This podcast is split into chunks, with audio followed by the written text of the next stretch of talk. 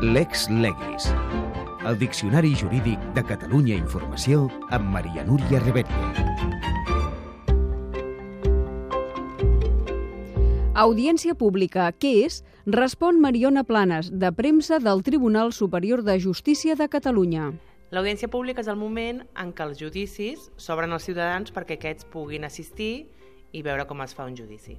Qui ho trasllada als ciutadans? Surt el funcionari del jutjat a fora a la porta per cridar audiència pública en veu alta perquè els ciutadans que hi siguin doncs, puguin entrar.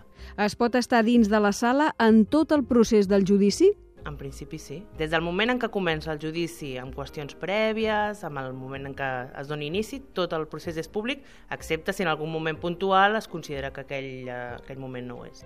El jutge pot decidir fer el judici a porta tancada i que no hi entri ni públic ni mitjans de comunicació? Sí, es pot decidir segons les circumstàncies, doncs perquè hi hagi testimonis protegits o pels motius que consideri oportú el jutge o alguna de les parts ho sol·liciti, el jutge pot acordar que aquell judici sigui a porta tancada. Durant el judici, el jutge pot desallotjar la sala? Doncs si creu que, que estan interrompent el funcionament normal del judici, si creu que amb el, doncs es produeix alguna situació que, que produeix que la declaració d'algun dels acusats o testimonis doncs, sigui més incòmoda o vegi que pot pertorbar les declaracions, es pot demanar que es desallotgi la sala perquè es continuï el judici amb normalitat. A banda dels judicis, les declaracions són públiques? Els públics només són els judicis, excepte els judicis de menors, que normalment són a porta tancada, i les instruccions i les declaracions que es fan en els jutjats no són públiques, per tant, només hi assisteix el jutge i les parts.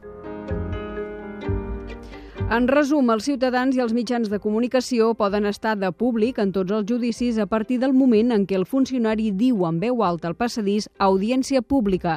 No poden entrar a la sala les persones que han de declarar com a testimonis o com a pèrits. Només ho faran quan els toqui. El jutge pot decidir per diverses circumstàncies i, si hi ha menors, fer part del judici o tot a porta tancada, però això passa en pocs casos.